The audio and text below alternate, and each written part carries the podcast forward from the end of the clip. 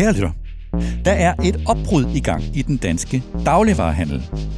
Det er som om, at inflationen har givet et skub til en dagligvarehandel, som i forvejen var under pres. Og nu sker der voldsomme begivenheder. Aldi har givet op, Coop lukker Irma, og Coop slår otte kæder sammen til tre kæder. Der er store problemer på markedet for onlinehandel, hvor Føtex har givet op, og hvor Coop.dk mad stopper efter 10 år, og hvor nemlig.com bliver ved med at tabe penge. Og hele tiden så hører vi, at kunderne søger mod de billige varer, at kunderne søger mod discount. Men hvad er det egentlig, der sker i dagligvarehandlen? Hvad sker der i en tid, hvor det ser ud som om, at lave priser, lave omkostninger og laveste fællesnævner risikerer at tage magten fra dagligvarehandlen? Og nok så vigtigt, er der en vej ud af den situation. I sidste uge talte jeg med Kren Østergaard Nielsen, der er topchef i Coop her i podcasten. Og jeg er stadig nysgerrig. Undervejs, mens jeg skrev om alt det her i børsen, så skrev Charlotte Vandorf en kommentar til mig på LinkedIn. Charlotte Vandorf har arbejdet med dagligvarer i mange år, og med det, som på nudansk hedder FMCG. Det står for Fast Moving Consumer Goods, og det er populært sagt alt det, som du kan købe i dagligvarehandlen. Hun har også været konsulent, og senest har hun været Executive Vice President og med i koncernledelsen i Danish Crown. Charlotte Vandorf skrev til mig, at jeg havde overset noget. Hun skrev, at nøglen til at forstå dagligvarehandlen, den er, at adfærd og behov, det er ikke det samme. Og da jeg ringede til hende, så sagde hun til mig, at discount er et symptom på noget. At discount er et symptom på en manglende evne til at forny sig. Det gjorde mig nysgerrig. Så derfor så inviterede jeg Charlotte Vandorf herind for at blive klogere. Og for at få et kritisk, og også konstruktivt kritisk, syn på den danske dagligvarehandel. Velkommen til Topchefernes Strategi.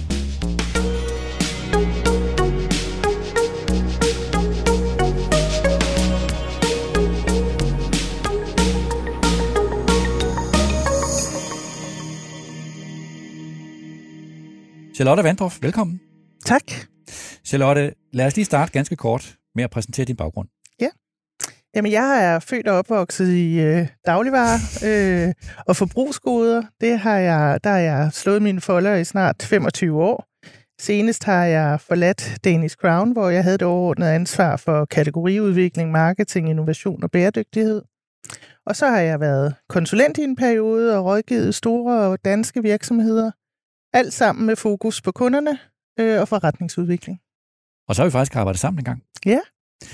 Da jeg var chefredaktør på Berlingske, så var det dig, Charlotte, der hjalp os, da vi skulle igennem en transformation på Berlingske, og du lærte af mig og, og den daværende chefredaktion på Berlingske om det her med, hvor vigtigt det er, at man virkelig, når man skal sætte en strategisk retning, så skal man først forstå virksomheden dybt, og man skal også forstå sine kunder, have en dyb forståelse af sine kunder. Ja. Så super, du vil være med, Charlotte. Charlotte, grunden til, at du er her, er jo i virkeligheden, at du for nylig skrev til mig på LinkedIn, da jeg skrev øh, nogle artikler omkring alt det, der lige er sket i Coop, så skrev du til mig på LinkedIn, og nu citerer jeg, jeg mangler i din artikel og i avisernes dækning i øvrigt en fokus på details evne til at adressere forbrugernes behov. Forbrugerne har ikke et behov for discount. De søger at få deres behov dækket til lavest mulige pris. Det er ikke det samme. Behovet er den ubekendte, og differentiering og innovation er løsningen. Citat slut. Og jeg gentager lige. Forbrugerne har ikke et behov for discount. De søger at få deres behov dækket til lavest mulig pris. Det er ikke det samme. Citat slut. Lad os starte med det. Forklar mig lige, Charlotte, hvad er forskellen egentlig på adfærd og behov? Jamen, øh, kunder kan kun have den adfærd, som vi muliggør for dem. Øh, og det vil sige, hvis det er, at vi kun kan gå i butikkerne fra klokken 10 til 18, så vil vi aldrig vide, om øh, vi havde lyst til at handle klokken 10 om aftenen i stedet for. Så det er sådan det ene. Øh, men når jeg skriver som og siger, som jeg siger, så kan det godt være et spørgsmål om semantik. Men for mig er det vigtigt at sige, at når vi siger hele tiden, kunderne efterspørger discount, så bliver det pludselig en selvopfyldende profeti. Eller selvopfyldende profeti. Øh, og det er det ikke. Øh, de vil have deres behov dækket. til den lavest mulige pris. Og det er ikke bare et spørgsmål om semantik. Og det betyder jo så, at løsningen, den skal findes i vores evne til at udvikle os, differentiere, innovere. Øhm, og det vi ser, når virksomheder kan det, det er, at så sker der noget med betalingsviljen, fordi så flytter fokus væk fra pris. Og det er det, altså hvis man skal lave det kunststykke, så kræver det som det første, at, at hvis man har en dyb forståelse af sine kunder, så kan man faktisk, hvad skal man sige, identificere nogle behov hos kunderne, som kunderne ikke engang selv var klar over, at de havde, og så kan man på det grundlag udvikle nogle nye produkter. Ja, præcis. Kan du nævne nogle eksempler på det? Ja, altså det er altid rart at nævne nogle generiske eksempler, fordi det er sådan nogle, hvor og vi kender dem alle sammen. Men øh, ris synes jeg er et meget godt eksempel. Øhm, jeg er jo, som sagt, kommer jeg ud af, af dagligvarerverdenen, og øhm, vi kan alle sammen huske onkel Bens øh, kogeris i pose. Dejligt nemt og bekvemt at få ris på bordet på et tidspunkt, så begynder man jo så at sige, jamen hov, det skal ikke kun være nemt, det skal også smage godt, det skal passe til det på tallerkenen. Og pludselig så ser vi os jo selv have hjemme i køkkenskabene basmati-ris, jasminris, fuldkornris med og uden skaller. Og det, der er sket faktisk, det er, at kiloprisen på øh, risene er jo steget. Den er jo mange dobblet. Og nu kan jeg godt lide at bage. Øhm, og der var en gang, hvor at jeg skulle bare have hvedemel eller rumel. Øh, og nu ser jeg mig selv pludselig forholde mig til, om det skal hedde Tipo 0, Manitoba, Spelt, Durum. Øh, og, og du ved, inden man får set sig om, så er jeg jo meget mere fokus på, øh, hvilken type mel det er, og så tænker jeg jo ikke over prisen. Og det vil sige, det er et eksempel på, at man det lykkedes at tage, ikke fordi kunderne måske var klar over, at de havde lyst til det, men det lykkedes at tage i kraft af, at man har forstået sine kunder, at udvikle et, det, du kalder et generisk produkt. Ja, her har man jo skabt et behov, kan man sige. Øh, fordi Manitoba kan så et eller andet, øh, og jeg har aldrig helt forstået, hvad det er, men det virker. Øh, så, så nogle gange, så skal man undersøge det sådan, så man lærer et behov hos kunderne, men så kan udvikle til et produkt, og andre gange kan man også skabe et behov. Og så er der en vej til at skabe noget, som kunden oplever som unikt, og som ja. kunden derfor også vil betale noget mere for. Lige præcis. Så det vil sige, at når kunderne får en øget bevidsthed og også får nogle nye behov, så åbner det en mulighed for, at man som virksomhed og som dagligvarerhandel simpelthen er kreativ og udvikler nogle nye koncepter. Ja, det gør man. Og kig på husstandene, altså det synes jeg jo er rigtig interessant at se, hvad der er sket ude i husstandene. Fordi der har man måske haft en periode, hvor mad skulle være nemt at tilberede, til at vi i dag gerne vil have hurtig mad, der skal være sundt. Og igen, det her er ikke semantik lige pludselig er der kommet en ny, øh, øh, en ny størrelse ind i ligningen, nemlig at det også skal være sundt. Øhm, vi er gået fra, at vi gerne vil have gør det for mig færdigretter, til at nu vil vi have måltidsløsninger, altså hjælp mig til at gøre det selv. Og vi er også gået fra flerstyksrabatter til, at folk siger, jamen hov, hvad nytter det, jeg sparer 10 kroner her, hvis jeg smider ud for 100 kroner om lørdagen, så jeg vil have enkeltstykspriser, men jeg vil jo stadig gerne have det øh, billigt. Så det er, jo, det er jo en helt omvæltning, der er sket i husstandene. Og det, jeg synes er endnu mere interessant, det er jo, at koncepterne er jo fuldt med. Årstiderne kom med deres måltidsløsninger. Homemade er kommet med ready to heat eller ready to eat friskvarekoncepter. Og så synes jeg, den endnu mere interessante, det er faktisk den der skralderkultur, der har været, hvor unge mennesker siger, jamen det kan godt være, at der kun er to dage tilbage af holdbarheden, og butikkerne ikke øh, kan sælge det. Men øh, jeg hopper op i affaldskontaineren, for det er godt nok til mig. Øh, og så får vi jo pludselig too good to go. Men det er jo sjovt, du nævner det her, fordi altså årstiderne og homemade og too good to go har vel det til fælles, at de er udviklet uden for dagligvarerhandlen. Ja, og det er måske det, der er det lidt ærgerlige ved det, fordi i, i princippet, så kunne det her jo godt have været et supermarkedskoncept. Altså, hvis du tager en kæde, og nu vil jeg jo ikke nævne nogen frem for andre, men nogen, der er måske meget velrepræsenteret i storbyområdet, hvor tiden er knap, øh, der havde måltidsløsninger måske allerede kunne være en mulighed, og måske noget click and collect, hente på vej hjem fra arbejde. Så, så det, jeg mener med det er, vi skal jo passe på, at vi kun kigger på produkter og varer. Vi skal også kigge på services. Så vi skal kigge på de løsninger, som forbrugerne efterspørger. Og forbrugerne efterspørger i stigende grad løsninger.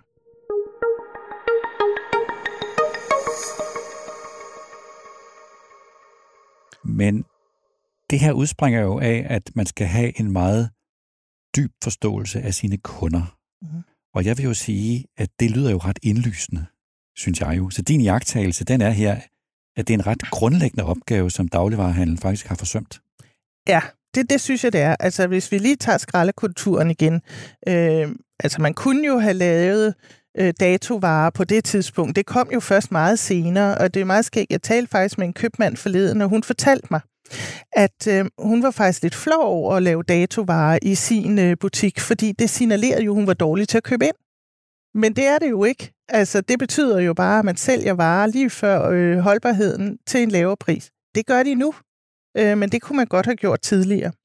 Og så vil jeg så sige, at man kunne også have gået i samarbejde, som man også gør nu, med producenterne, fordi før der sagde vi jo bare mindst holdbar til.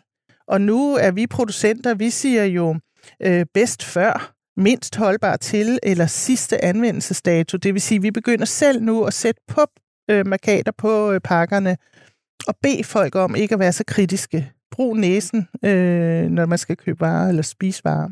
Det her er jo en kritik af den traditionelle dagligvarehandel.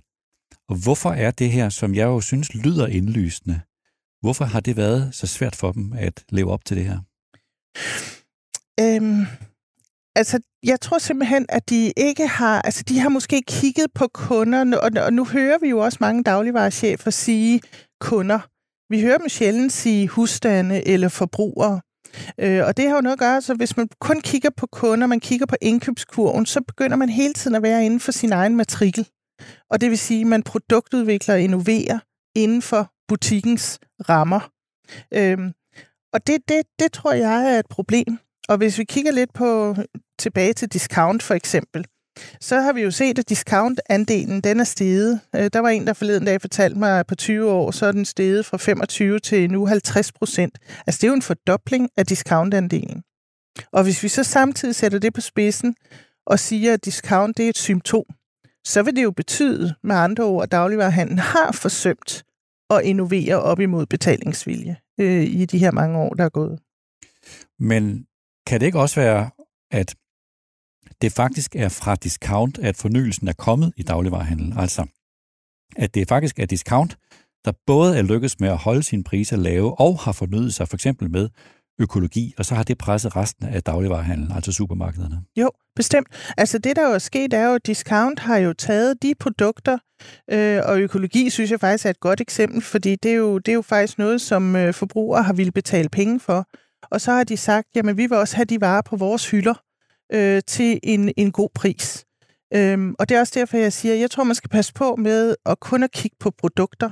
Jeg tror også, man skal øve sig lidt i at lade industrien være dem, der udvikler nye produkter, som forbrugerne vil betale penge for, og så kigge på løsninger. For mange af de løsninger, jeg nævnte før, det var jo faktisk ikke produkter. Altså Too Good To Go, det er en løsning. Øh, måltidskasser, det er en løsning.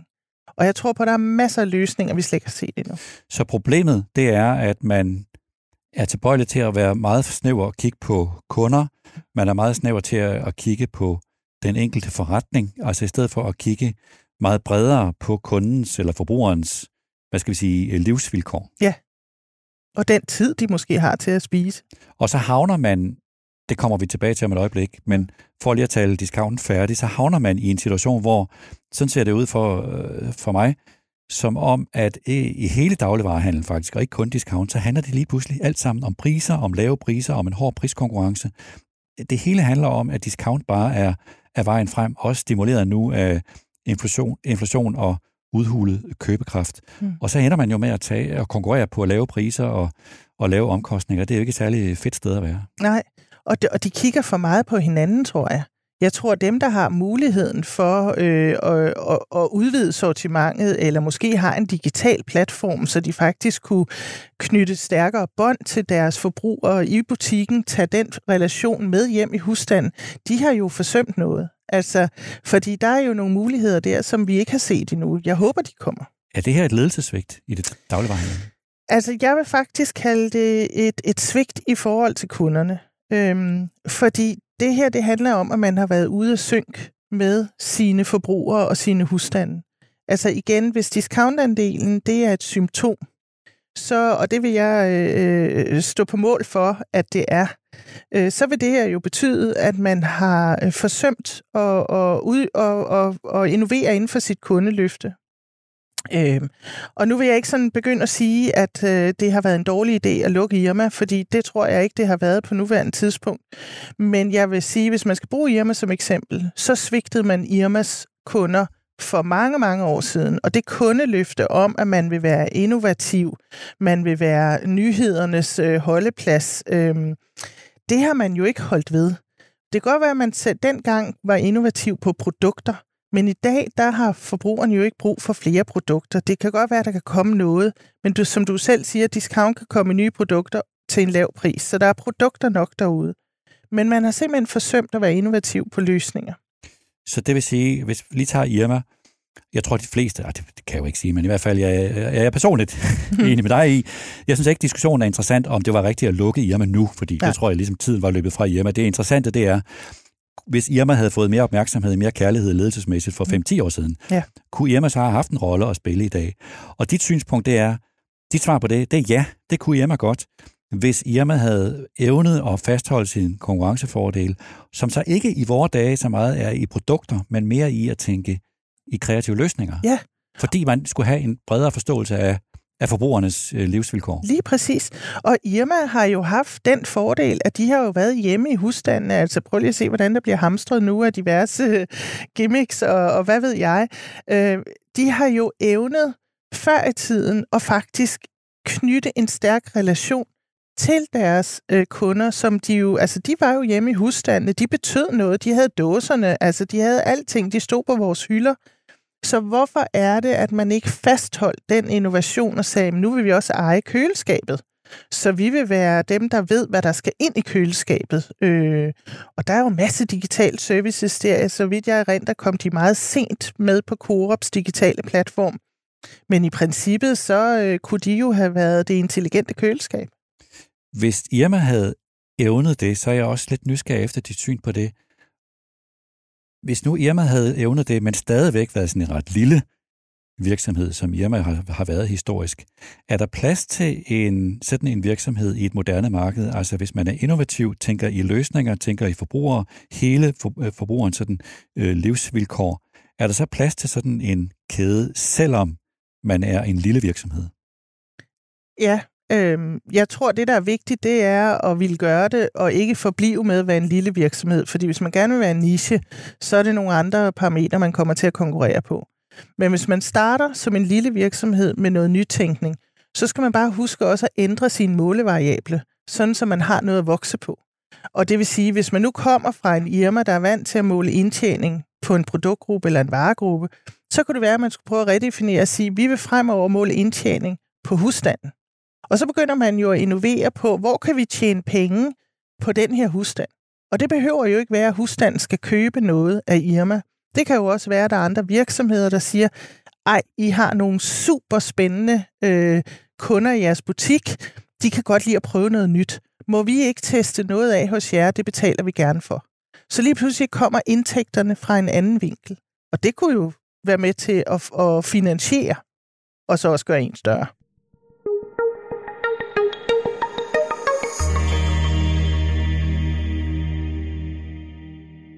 Okay, Charlotte. Mm. Det er jo nem, nemt at kritisere. Ja. Nu er vi nødt til også at være øh, konstruktive. Ja. Hvis vi nu lægger til grund, at du har ret i din kritik, mm. hvad er så løsningen? Hvad, hvad vil være den rigtige vej at gå for, for en moderne dagligvarebranche, som tydeligvis er under pres, og så, det er min påstand, også er sådan lidt strategisk øh, usikker på retningen? Altså nøglen, den ligger i at redefinere sin rolle i værdikæden. Altså, eller sagt sådan lidt mere populistisk, genbesøge sin spilleplade. Hvor er det, man vil starte? Hvor er det, man vil slutte? Altså, er det kun fra man kommer ind i butikken, til man går ud af butikken? Er det der, man vil servicere? Er det fra parkeringsplads, til man er tilbage på parkeringspladsen? Og nu er vi jo nogen, der kan huske, at der blev pakket i poser i de gamle isotider, og måske også båret med ned i p-kælderen. Er det hjemme fra køleskabet til køleskabet, eller er det lige frem fra tom mave til fuld mave? Altså, hvad er ens spilleplade? Øhm, og der er det altså, jeg vil godt komme med et lidt eksempel uden for dagligvarer, så vi ligesom ikke måske tror, at det her det kun handler om dagligvarer. Men i mange år, der rådgav jeg øh, SAS øh, i forhold til hele kundeløftedelen. Og på et tidspunkt var SAS jo kun gate to gate, kan man sige. Og det vil sige, at alt, hvad de havde af services, de foregik fra det øjeblik, du bordede, til du øh, kom ud igen af flyet. SAS ville aldrig kunne være konkurrencedygtig. Altså low-cost carrier kan flyve billigere end SAS, med hele det administrativ, der, øh, administration, der ligger bagved. Men så redefinerede man sig selv. Man gik også ind og ændrede. Man sagde ikke kunder mere, man sagde rejsende. Og så begyndte man at sige, jamen hov, vi skal jo have vores rejsende hjem fra, ud rundt om et sted og hjem igen. Og lige pludselig begyndte man at lave services. Altså, vi kender jo alle sammen uh, Fast Track hjemmefra. Vi fik en app. Uh, vi kan bestille magasiner på vores app, så vi har læsestof ombord. Så lige pludselig så redefinerede man spillepladen. Og så ændrer man jo noget, fordi lige pludselig så lægger man services oven i produktet. Og så kan priserne jo ikke sammenlignes. Men nu tror jeg nok, de fleste vil forbinde SAS med nogen, som kommercielt set ikke er lykkes med at bryde ud af presset. Ja, men jeg vil sige, med det pres, de har været under, så ville de ikke have haft nogen kunder, hvis de ikke havde haft øh, den store kunde tilfredshed, som de dog trods alt har øh, derude. Og det er jo, fordi de lyttede til deres kunder. Jeg kender ikke så meget til dem i dag, så jeg kan ikke udtale mig om nutiden. Men tilbage til dagligvarerhandlen. Man skal simpelthen prøve at tænke helt ud i hjemmene. Er der nogle services derude, øh, som, som øh, vi kan arbejde med? Og, og jeg kan ikke øh, lade være, altså nu øh, er jeg sådan en, der øh, godt kan lide at bruge min mobiltelefon, og når jeg skal ringe nogen op, så får jeg Siri til at gøre det. Men hvorfor kan Siri ikke lytte til, hvis jeg mangler mælk? Altså, hvorfor kan hun ikke notere fra mig, så når jeg skal handle ind, så har jeg allerede lavet min indkøbsliste. Altså, hvem er det, der hjælper mig med de services derhjemme, som gør det nemmere for mig at, at handle? Det vil sige, det, det handler om at forstå kunden i et helt forløb, helt fra kunden overhovedet tænker på ja. fødevarer, med alle de behov og også normer og ja. livsvilkår og alt muligt andet, kunden har, ja. eller forbrugeren, og så hele vejen igennem forløbet, ja. helt indtil man har fyldt ja. maven op og ja. er kommet af igen med ja. emballagen og så ja, Hele den der rejse. Ja. Og så tænke løsninger ind i den rejse. Lige præcis. Og du sagde jo lige noget øh, nøgleord i nutiden, kommet af med emballagen. Altså det kan jo også være en parameter, hvor vi bliver meget dygtigere øh, til at hjælpe hele vejen ud øh, i sidste led. Så er der jo et helt aktuelt nu øh, eksempel med Coop, som har fået meget opmærksomhed, og, og i, i forgængeren, som sad i den stol, du sidder i nu, Kren Østergaard Nielsen, topchefen for, øh, for Coop, var, var også gæst her i podcasten. Og det, som Coop jo blandt andet gør nu, det er, at de slår otte kæder sammen til tre kæder. Og det, det lyder vel fornuftigt. Altså, udover at man nu får tre sådan skarpe profiler, så kan man vel også sådan samle kræfterne om netop det, som du siger. Altså nu kan man få en dybere forståelse af de forbrugere, som, som passer til de tre kæder, eller hvad? Jamen helt sikkert. Altså jeg, jeg kunne måske godt tænke mig at vende den om og så sige, hvis man skal have otte kæder, så skal der også være otte forskellige forbrugersegmenter i markedet, fordi der skal ligesom være en position til dem hver. Ellers så ender de jo med at konkurrere mod hinanden.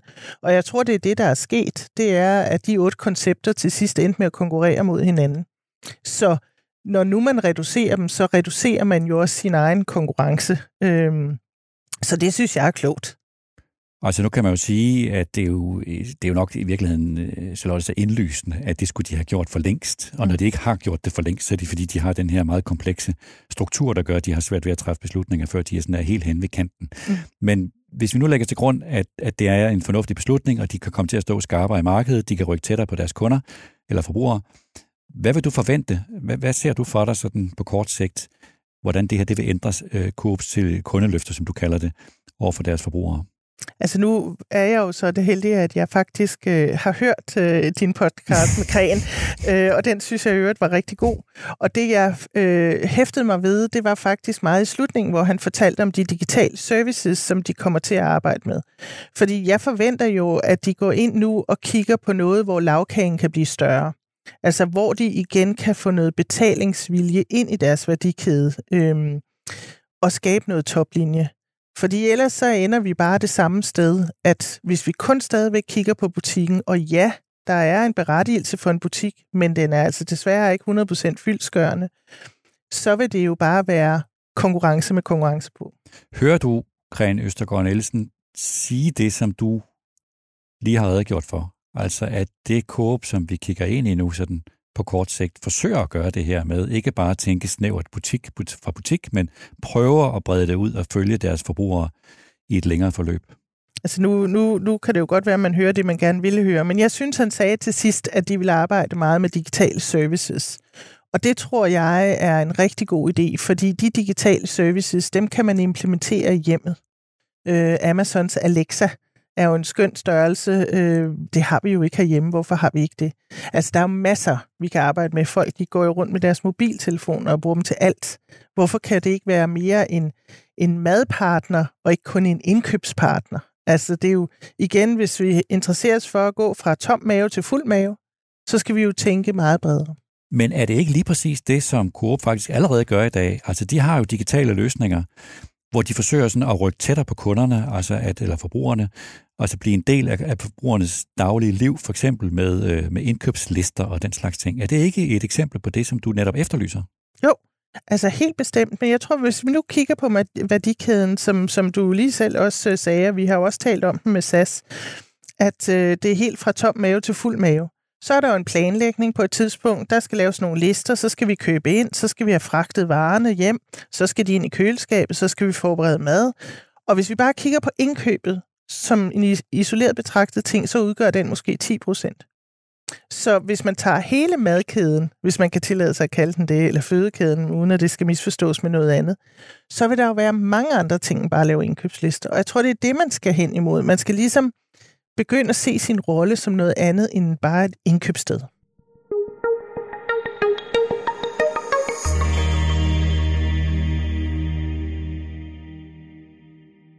Der er et særligt tema, som mange i dagligvarerhandlen tumler med. Og jeg synes også selv, det er super interessant, og det ved jeg, det synes du også. Og det er det her med online-handel af dagligvarer. Mm. Og det er jo noget, som mange forsøger sig med. Mange har forsøgt sig. Der er ikke rigtig nogen, der har lykkes endnu. Senest så har jo øh, Føtex givet op, og de har sagt i Selling Group, at der kommer noget senere i Bilka. Vi må se, hvad det bliver til. Coop har givet op, og øh, nemlig.com har nu markedet for sig selv, men taber stadigvæk masser af penge. Og så er der selvfølgelig også, det skal man jo lige huske, der er jo Volt, og der er nogle andre, øh, andre leverandører, som også opererer i det der marked. Hvorfor er det så svært Charlotte, det her med at skabe en bæredygtig forretning ud af at handle dagligvarehandel mm. online? Altså, der er to ting i det. Øhm, det ene ting er, tror jeg, at vi bliver nødt til, jeg var lidt inde på det før, at, at redefinere, hvordan det er, vi måler den her forretning på. Øhm, hvis det er, at man har de samme målevariable med ind, og det har man jo fra den fysiske butik, der ved jeg jo, for jeg har jo selv siddet på den anden side af bordet og solgt varer og været ansvarlig for det til Selling Group. Så ved jeg, at indtjening per produkt og per varegruppe, det er i høj fokus. Når nu man, er, har, man har adgang til husstanden, så kunne man jo redefinere det mål og så sige, nu er det ikke indtjening per varegruppe, nu er det indtjening per husstand, der er interessant. Og det vil sige, det kan være, at vi ikke kun skal sælge varer. Det kan være, at vi også skal have cykelbude ud øh, i de mest trafikale områder, eller måske lave en 24-7-service, som er meget mere agil end den, vi har. Og så var det vold dukker op, så er det gorilla dukker op. Men hvorfor er det, at det ikke er kæderne selv, der dukker op? Og det er igen min, min, min og det, det, er jo ikke, det skal jo ikke lyde anklagende på den måde, for jeg har stor, stor respekt for deres beslutningshierarkier øh, øh og, og hvad de står med i øvrigt øh, til daglig. Men, men en, en, en god en at kigge ind i, det er Clayton Christensen. Det er jo ham, der har stået fader til alt, der hedder disruption. Og det her er jo en disruption øh, af, af sin egen branche. Og han siger, ændre på målevariablerne, fordi det er der løsningerne de indfinder sig. Men markedet for online-handel med dagligvarer er jo stadigvæk enormt lille. Ja. Og så vil du måske sige til mig, ja Niels, det er det, men det er jo bare fordi, at kunderne ikke i virkeligheden ved, hvad de vil have. Så hvis vi kan udvikle gode løsninger til dem, så vil det marked vokse. Ja, og så nu, nu er jeg faktisk selv online-kunde, så hvis der er nogen, der lytter her, så vil de sikkert sige, om så er vi i hvert fald, så ved vi ikke, hvad vi skal mene om hende. Men, øh, men jeg har handlet øh, øh, online øh, i mange, mange år. Og faktisk er det jo sådan, at når man så sidder der fredag morgen, så har man lige 10 minutter mellem to møder, og så får jeg lige handlet ind, fordi så er, øh, kommer varerne om eftermiddagen. Jeg kan da ikke huske, hvad jeg har i køleskabet. Altså, så jeg ender jo med at købe forkert ind, og får måske også lidt røg af min mand, for at nu smider han den femte øh, bakke creme fraiche ud øh, efter øh, hinanden. Og det er det, der er min pointe. Der er jo masser af services derhjemme, der slet ikke er fyldt ud. Altså, når jeg køber ind fysisk, så vælger jeg en af de store, lækre supermarkeder, hvor jeg bliver inspireret. Hvorfor får jeg ikke inspiration hjemme? Øh, er der slet ikke nogen leverandører til, nu siger vi nemlig .com, der har lyst til at betale for, at jeg får lov at prøve nogle ting. Det mener jeg faktisk, de også har gjort. Øhm, men er der andet? Kan det drives videre? Og det, det er hele den der, øh, øh, at få flyttet sig helt hjem i husstanden. Kan jeg få noget bedre hjælp til min madlavning? Altså, hvor er alle de løsninger, som jeg slås med til daglig? Dem har vi ikke set endnu. Vi har kun set, at Nemlig.com er en fysisk butik på nettet, og det vil sige, at det eneste, jeg nu har sparet min værdikæde, det er transporten. Det vil sige, at du ser en vej frem for Nemlig.com, hvis de kan, om ikke ligefrem genopfinde sig selv, men så skal de i hvert fald række mere ud til dig som forbruger. Ja, og de skal forstå mig. Altså, de, de skal forstå alt, hvad der foregår som forbruger, og der bruger du det helt rigtige ord. Jeg er ikke en kunde, jeg er en forbruger. Øhm, og min husstand, for guds skyld, hele min husstand. Men er det ikke, Charlotte, at the end of the day, så er det stadig sådan, at problemet med onlinehandel med, med dagligvarer, det er bare, at det er super dyrt, altså at omkostningerne ved at bringe dem ud, slår bare af det hele stykker, at det kan ikke lade sig gøre. Jo, det, det, ja, det vil jeg slet ikke øh, øh, modbevise. Jeg tror bare, der er andre, der så vil kunne være med til måske at finansiere den transport som jo også har transport derude. Øh, nu ved jeg, at den fysiske handel var ved at dø i pakker øh, her ved juletid, og det er de jo som regel, når der er, er store øh, øh rates på, på priserne, så, øh, så er kioskerne fyldt op til helt ud på vejen. Nemlig køre i forvejen. Altså, kunne det være en samarbejdspartner? Kunne øh, Post Danmark være den finansiering, som de havde behov for? Altså, og jeg skal ikke komme med løsningerne, men nemlig hele tiden bare sige, der er altid en what if. Og den der what if kunne være, vi bliver nødt til at finde en, en, en legekammerat, som vil den samme målgruppe, som vi har fat i. En del af det her er måske også, altså måske er der en jagttagelse af det her, som er, at når det endnu i hvert fald ikke er lykkedes at gøre en bæredygtig forretning ud af onlinehandel med dagligvarehandel, så er det simpelthen fordi, at den fysiske butik, den kan mere, end vi troede. Altså at, at øh, vi jo alle sammen ligesom dømt den fysiske butik ude, specielt i sådan, den almindelige detailhandel, men selv her i dagligvarehandel, at den fysiske butik, den, den kan måske mere, end vi var klar over.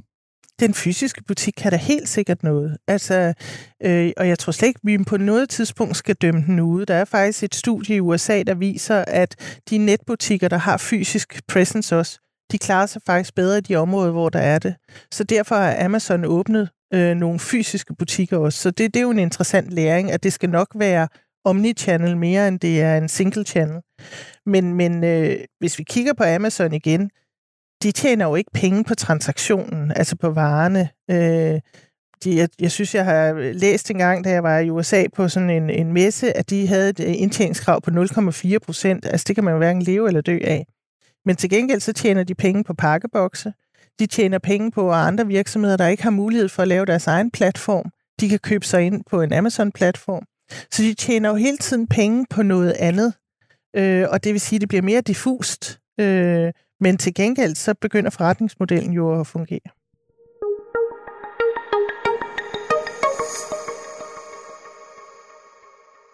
Nu har vi talt frem og tilbage om dagligvarerhandlen. Vi har talt om øh, din kritik af den, og også øh, din konstruktive kritik. Hvis du skal samle det op, som vi har talt om i sådan nogle ret konkrete gode råd, hvad vil du så anbefale andre at gøre? Jamen, jeg, jeg tror godt, jeg kan sådan, øh, måske lige liste sådan en, en fire umiddelbare. Jeg vil måske godt starte med at sige, at det er jo ikke bare kun dagligvarerhandel. Det her er jo sund logik i forretningsudviklingen, når det er, at man skal forretningsudvikle med udgangspunkt i kunderne. Så, så, så det er ikke kun øh, dagligvarerhandel som sådan. Men den første, det er, komme helt ind under huden på kunderne. Og, og nu har jeg jo selv, og derfor kan jeg jo godt tillade mig at sige det, siddet i både i nogle store internationale og nationale virksomheder. Vi ved simpelthen for lidt om vores forbrugere. Hvorfor er de i markedet for vores produkter? Vi ved rigtig meget om forretningen. Vi er rigtig dygtige til at lave forretningsanalyser, og vi bliver bedre og bedre til det. Øh, men jeg må sige, indkøbet af analyser, det bliver i stigende grad også, eller tilsvarende øh, mindre og mindre. Så vi skal virkelig begynde at kigge anderledes på den måde. Og det er ikke bare, nu siger jeg bare, et enkelt studie, der bliver præsenteret på et direktørmøde, eller øh, et øh, øh antropologisk studie, så nu ved vi det hele. Altså det, vi skal tilbage til Herman Sallings tid, der gik på gulvet og nærmest øh, kunne tænke som samtlige af sine forbrugere. Det er der, vi skal hen igen. Kræver det særlige kompetencer, det her? Altså, det er ikke bare noget, man kan lave med data og, og så videre. Det er også noget med at føle og fornemme sine forbrugere og kunder. Ja, og så kræver det faktisk, og det har jeg jo selv været vidne til, og måske også både på den gode og på den dårlige måde, at øh, når man får en forretningsanalyse ind, så kan man pludselig lave den ret hurtigt om til kroner og øre. Det er håndgribeligt. Når man så får en analyse ind, der skal fortælle lidt om motiver for at købe øh, kød op imod nogle færdigvareprodukter, så bliver det mere diffust. Vi skal acceptere, at den viden den er diffus. Øh, og den skal vi have helt op, og det er så måske min øh, punkt nummer to. Det her, det er direktionsanlæggende. Altså, forretningsstrategier, de bliver lavet i, i direktionen, og derfor er det også direktionen, der skal vide og kende kunderne helt ned i øh, ja, mindste hårstrå, øh, hvis man kan bruge det billede. Men må jeg lige, det forstår jeg godt, og det vil sige, bare lige for at gøre nummer et færdig, mm. Charlotte, det vil sige, at en ledelse, som vil ind under huden på sine kunder, forstå sine kunder, mm. er nødt til at acceptere, at det ikke er al viden om kunder og forbrugere, der kan måles og puttes ind i et Excel-ark. Nej, det er det ikke. Eller ja, det skal de forstå. øh, og det vil sige, det handler om at også at kunne navigere i kaos. Altså, fordi der vil være noget viden. Man skal, man skal have en, en tro. Men som jeg plejer at sige, jeg, jeg, jeg tager gerne øh, risici, men de er altid kalkuleret til en vis grad. Så jo flere analyser man har, der peger på det samme, jo flere gange man selv har været ude, og jo flere middagsselskaber man har siddet i, og man får også det bekræftet, så begynder der nok at være noget om snakken. Så nummer et, Charlotte, det er at komme helt ind under huden på kunderne. Ja. Nummer to, det er, at det her det er en opgave for direktionen. Altså, det er ikke noget med næste direktionsmøde. Det er selve kernen og omdrejningspunktet i hele øh, strategien. Ja. Hvad er nummer tre? Nummer tre, det er at, at redefinere sig selv. Altså gå ind og kigge på den værdikæde, som vi har talt om, og være åben over for. Det kan godt være, at man før var i markedet for X, men nu er man altså i markedet for Y. Øhm, man bliver nødt til at forstå, at, at øh, ens kunder måske ikke skal kaldes kunder fremadrettet, men i højere grad husstande, øh, fordi så begynder man at åbne op for øh, noget forretningsudvikling, som ligger ud over den transaktion, man før har kunne tjene mange penge på, og som man måske, fordi der ikke er nogen fornyelse, kan tjene færre færre penge på. Altså, vi er nået et mætningspunkt. Hvordan er det, vi får løftet indtjeningskurven op? Jamen, det gør man ved at udvide sin værdikæde. Er der en til? Ja, det er det. Øhm, faktisk er det sådan, at vi skal hele tiden huske på, at pengestrømmen, den starter ude hos slutbrugeren. Øhm, og nogle gange, jeg sidder selv tit i en situation, hvor jeg aldrig ved, om jeg skal kalde dem kunder, eller forbrugere, eller slutbrugere, eller hvad er det egentlig, vi skal kalde dem. Øhm, fordi det er helt derude, ens viden skal være. Det vil sige, det er også helt derude, at man skal øh, være til stede. Og så måske også indgå nogle flere partnerskaber med sine leverandører. Altså det er lidt ligesom, nu har jeg jo som sagt selv siddet øh, øh, mange år og, og, og i industrien og arbejdet op imod øh, dagligvarekæderne. Og det bliver sådan lidt dem og os, men det burde jo være vi. Altså vi skal noget op imod en fælles slutbruger. Og så kan man så fortælle, hvem skal gøre hvad. Og det tror jeg er sindssygt vigtigt. Det er, at vi begynder at se os selv som værende dem, der skal servicere slutbrugerne. Vi skal ikke servicere vores kunder, vi skal ikke servicere mellemhandlere, vi skal servicere vores slutbrugere. Det er dem, vi er øh, i markedet for, for det er der, pengestrømmen starter. Er det her et spørgsmål også om, hvilken retorik man egentlig bruger? Helt sikkert. Helt sikkert. Det er meget vigtigt, at man får fastlagt, hvad er det egentlig, vi kalder dem her. Øh, er det kunder? Fordi når vi taler kunder, så ligger der intuitivt en indkøbskurv. Øh, og det vil sige, der vil også blive en indkøbsliste. Altså ens innovation, den vil simpelthen rette sig til indkøbsøjeblikket. Men igen, hvis hele værdikæden er for mad på bordet, øh, hvis, hvis indkøbet kun udgør 10% så er man jo for snæver. Så man bliver simpelthen nødt til at få flyttet sin optik, være i synk med sine endbrugere, øh, sine forbrugere, og så simpelthen, og, og derfor tror jeg, det er vigtigt at kalde det noget andet. Altså retorik, retorikken gør simpelthen, at man, det lyder måske fjollet, men alligevel, altså man ligesom er følelsesmæssigt tættere på de her mennesker, end hvis man bare i gåsøjne kalder dem for kunder.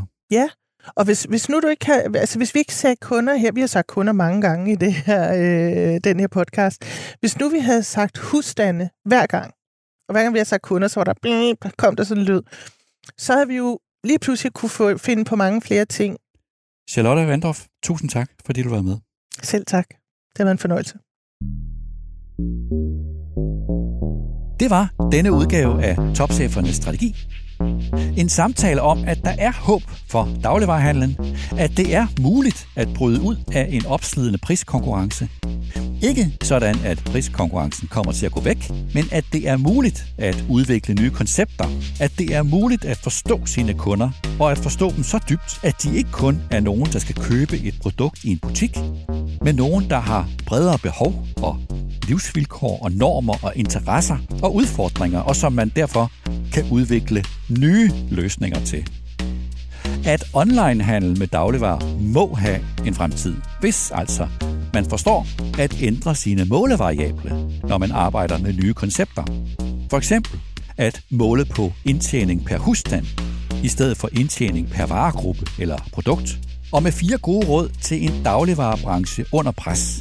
For det første, at man skal helt ind under huden på kunderne, helt derind, hvor man forstår dybden og også perspektivet i jagttagelsen af, at kundernes behov og kundernes adfærd, det er ikke det samme.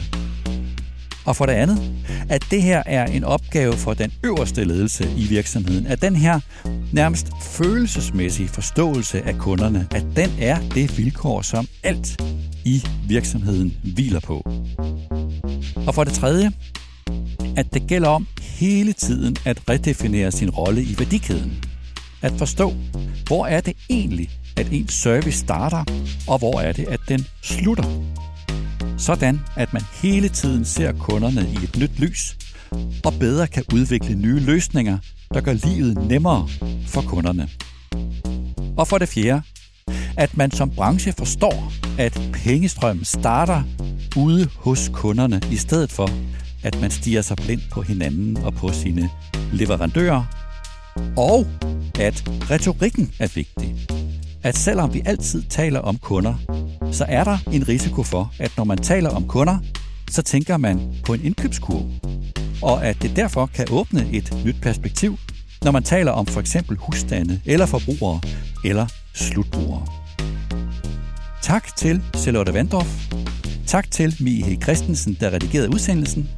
Og tak til dig, der lyttede med.